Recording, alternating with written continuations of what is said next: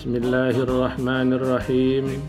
Assalamualaikum warahmatullahi wabarakatuh. Saya Haji Musim Kepala Kantor Kementerian Agama Kabupaten Sumbawa Barat. Program Bahasa Totang ini merupakan salah satu sarana dalam memberi bimbingan keagamaan kepada masyarakat khususnya di Kabupaten Sumbawa Barat ini. Semoga kiranya program Bahasa Totang ini bisa diterima dan bermanfaat bagi masyarakat. Selamat menikmati. Wassalamualaikum warahmatullahi wabarakatuh.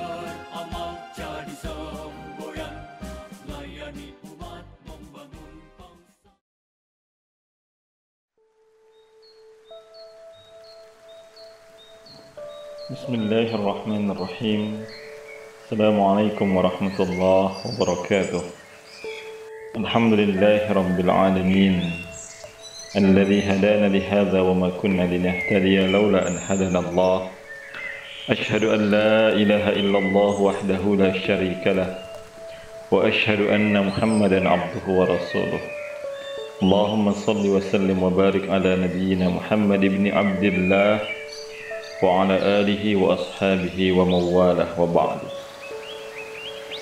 Para pendengar yang budiman, Alhamdulillah Alamin. Hari ini saya Fatur Rahman SOSI Salah seorang dari penyuluh agama Islam di Kementerian Agama Kabupaten Sumba Barat.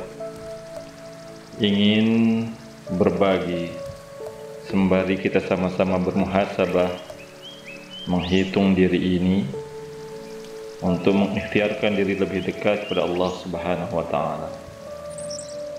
Yang kedua, mari kita berselawat kepada junjungan kita Nabiullah Muhammad sallallahu alaihi wasallam. Semoga salawat dan salam ini akan menjadikan kita menjadi bukti bagi kita bahwa kita benar-benar menjadi pengikut baginda Nabi Muhammad sallallahu alaihi wasallam yang dijanjikan dengan syafaatnya di yaumil akhir nanti. Amin. Allahumma amin. Pendengar yang budiman, sejak dini seorang beriman meyakini keluasan dan kedalaman kandungan makna yang terkandung di dalam Al-Quran. Makna tersebut tidak akan habis digali dan dipelajari. Demikianlah Allah Subhanahu wa taala menegaskan dalam firman-Nya Quran surah yang ke-18 Al-Kahfi ayat yang ke-109 قل لو كان البحر مدادا لكلمات ربي لنفد البحر قبل أن تنفد كلمات ربي ولو جئنا بمثله مددا Katakanlah Sekiranya lautan menjadi tinta untuk menulis kalimat-kalimat Tuhanku Sungguh habislah lautan itu sebelum habis ditulis kalimat-kalimat Tuhanku meskipun kami datangkan tambahan sebanyak itu pula. Hal ini bisa menjadi motivasi agar manusia senantiasa dituntut menggali dan mempelajari Al-Quran. Sebab hidayah Al-Quran merupakan kebutuhan dasar dari setiap manusia dan setiap saat. Di sisi lain, untuk memahami makna-makna tersirat dalam Al-Quran, perlu mujahadah dan persyaratan yang khusus. Terkadang untuk memahami kandungan yang tersurat saja, orang tidak mampu memahaminya dengan baik dan benar. Namun saat ini ada semacam gejala yang jika dibiarkan bisa berubah menjadi bencana yang mengerikan. Sebagian di antara kita merasa sudah cukup puas dengan kondisi yang ada Kualitas diri ini dianggap sudah amat memadai. Padahal kenyataannya, kualitas tersebut masih teramat sangat jauh dibandingkan generasi Islam terdahulu. Entah mengapa bisa merasa seperti itu. Pastinya ada bisikan setan yang bercampur dengan hawa nafsu yang dituruti keinginannya setiap saat. Pendengar muslim yang beriman Sesungguhnya aneh jika ada yang merasa sudah hebat dengan keislaman yang dipunyainya Padahal Urusan sholat pun barangkali sebagian kita baru sekadar untuk memenuhi kewajiban dan rutinitas saja. Rasanya belum ada jaminan jika sholat yang dikerjakan benar-benar sudah dimotivasi oleh arus kekuatan iman dalam dada. Rasanya belum ada jaminan bahwa kualitas sholat tersebut sudah sesuai dengan standar minimal yang ditetapkan oleh Allah dan Rasulnya Sholat yang kita kerjakan mungkin tidak lebih dari sekedar olahraga atau senam fisik saja.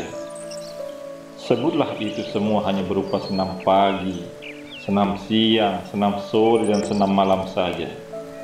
Bekasnya belum tampak pada perilaku, bekasnya pun tak pernah nampak pada akhlak, baik dalam proses pembentukan pribadi ataupun pada penyusunan kekuatan yang membentengi diri dari keburukan dan kemaksiatan. Bukankah kualitasnya sama sekali tidak memenuhi syarat atau bahkan kategori sholat yang standar? Dengan kondisi seperti itu, sungguh aneh jika kemudian ada yang mengklaim dirinya sebagai muslim yang baik, apalagi sampai merasa diri sudah punya alasan dan kans untuk masuk surga. Parahnya, Hal itu acap kali dibanding-bandingkan dengan keadaan sesama umat Islam lainnya. Menganggap dirinya lebih baik dan layak masuk surga daripada sebagian yang lain. Padahal faktanya, orang-orang yang dimaksud itu memang tidak mengerjakan sholat dan tidak juga berpuasa apalagi membayar zakat. Mungkin ada di antara mereka yang kerjaannya hanya menyambung ayam, suka berdusta, tukang judi, tukang selingkuh dan lain sebagainya. Apakah itu yang akan jadi pembanding untuk kita? Hadirin rahimakumullah, pemirsa yang budiman. Kemudian orang itu merasa bahwa dirinya Kemudian orang itu merasa bahwa dirinya lah yang lebih baik di lingkungan sekitarnya. Lebih parahnya lagi, timbullah perasaan ujub atau bangga diri merasa lebih baik dari yang lainnya. Seolah-olah surga itu merasa kampingannya sendiri. Orang lain tidak berhak kecuali dirinya yang mesti lebih dulu mencicipi kenikmatan surga.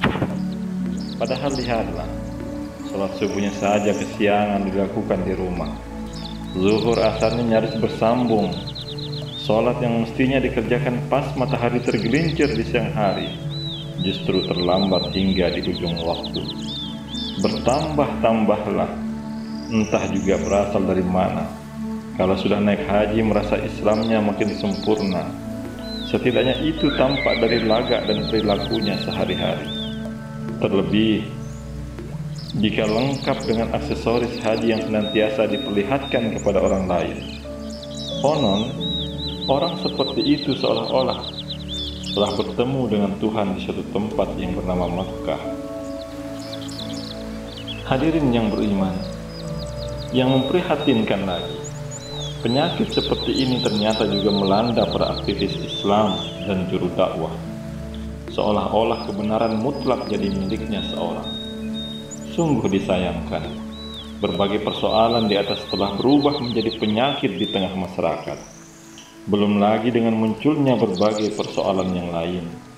Kita lihat saja, umat Islam kini bercerai-berai berbagai potensi jadi berserak begitu saja, bukan sebagai kekuatan, tapi malah sebaliknya menjadi titik lemah bagi kaum muslim.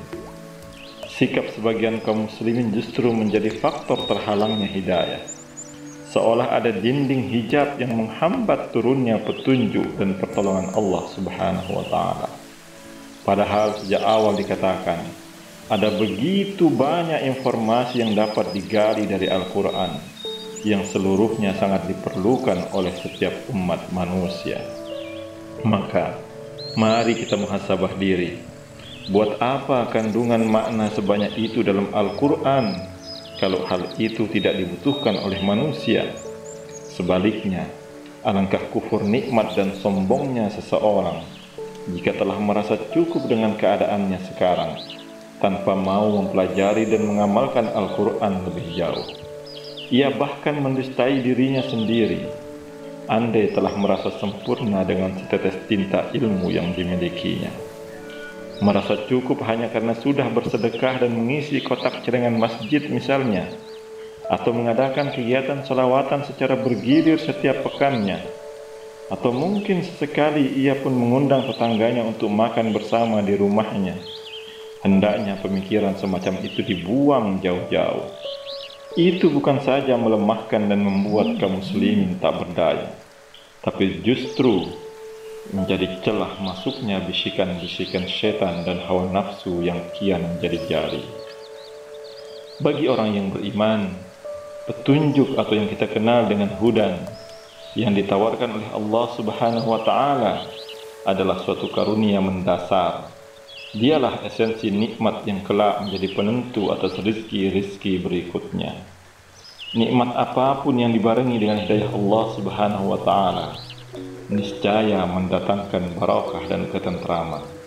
Sedangkan apa-apa yang dipunyai manusia tapi jauh dari petunjuk Allah Subhanahu wa taala itu berarti hanya jadi petaka belaka.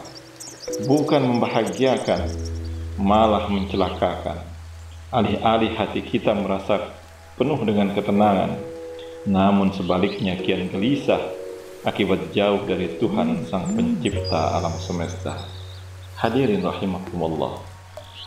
Muhasabah ini adalah untuk kita semua, untuk lebih mendalami lagi Al-Quran, mendalami lagi Sunnah Rasulullah Sallallahu Alaihi Wasallam, untuk kita tidak berbangga diri dengan kondisi kita yang sekarang, tapi mari kita selami lebih dalam lagi ilmu Allah Subhanahu Wa Taala sehingga kita tidak gampang untuk menyalahkan sesama, terlebih menyalahkan sama muslim yang memang kita seakidah.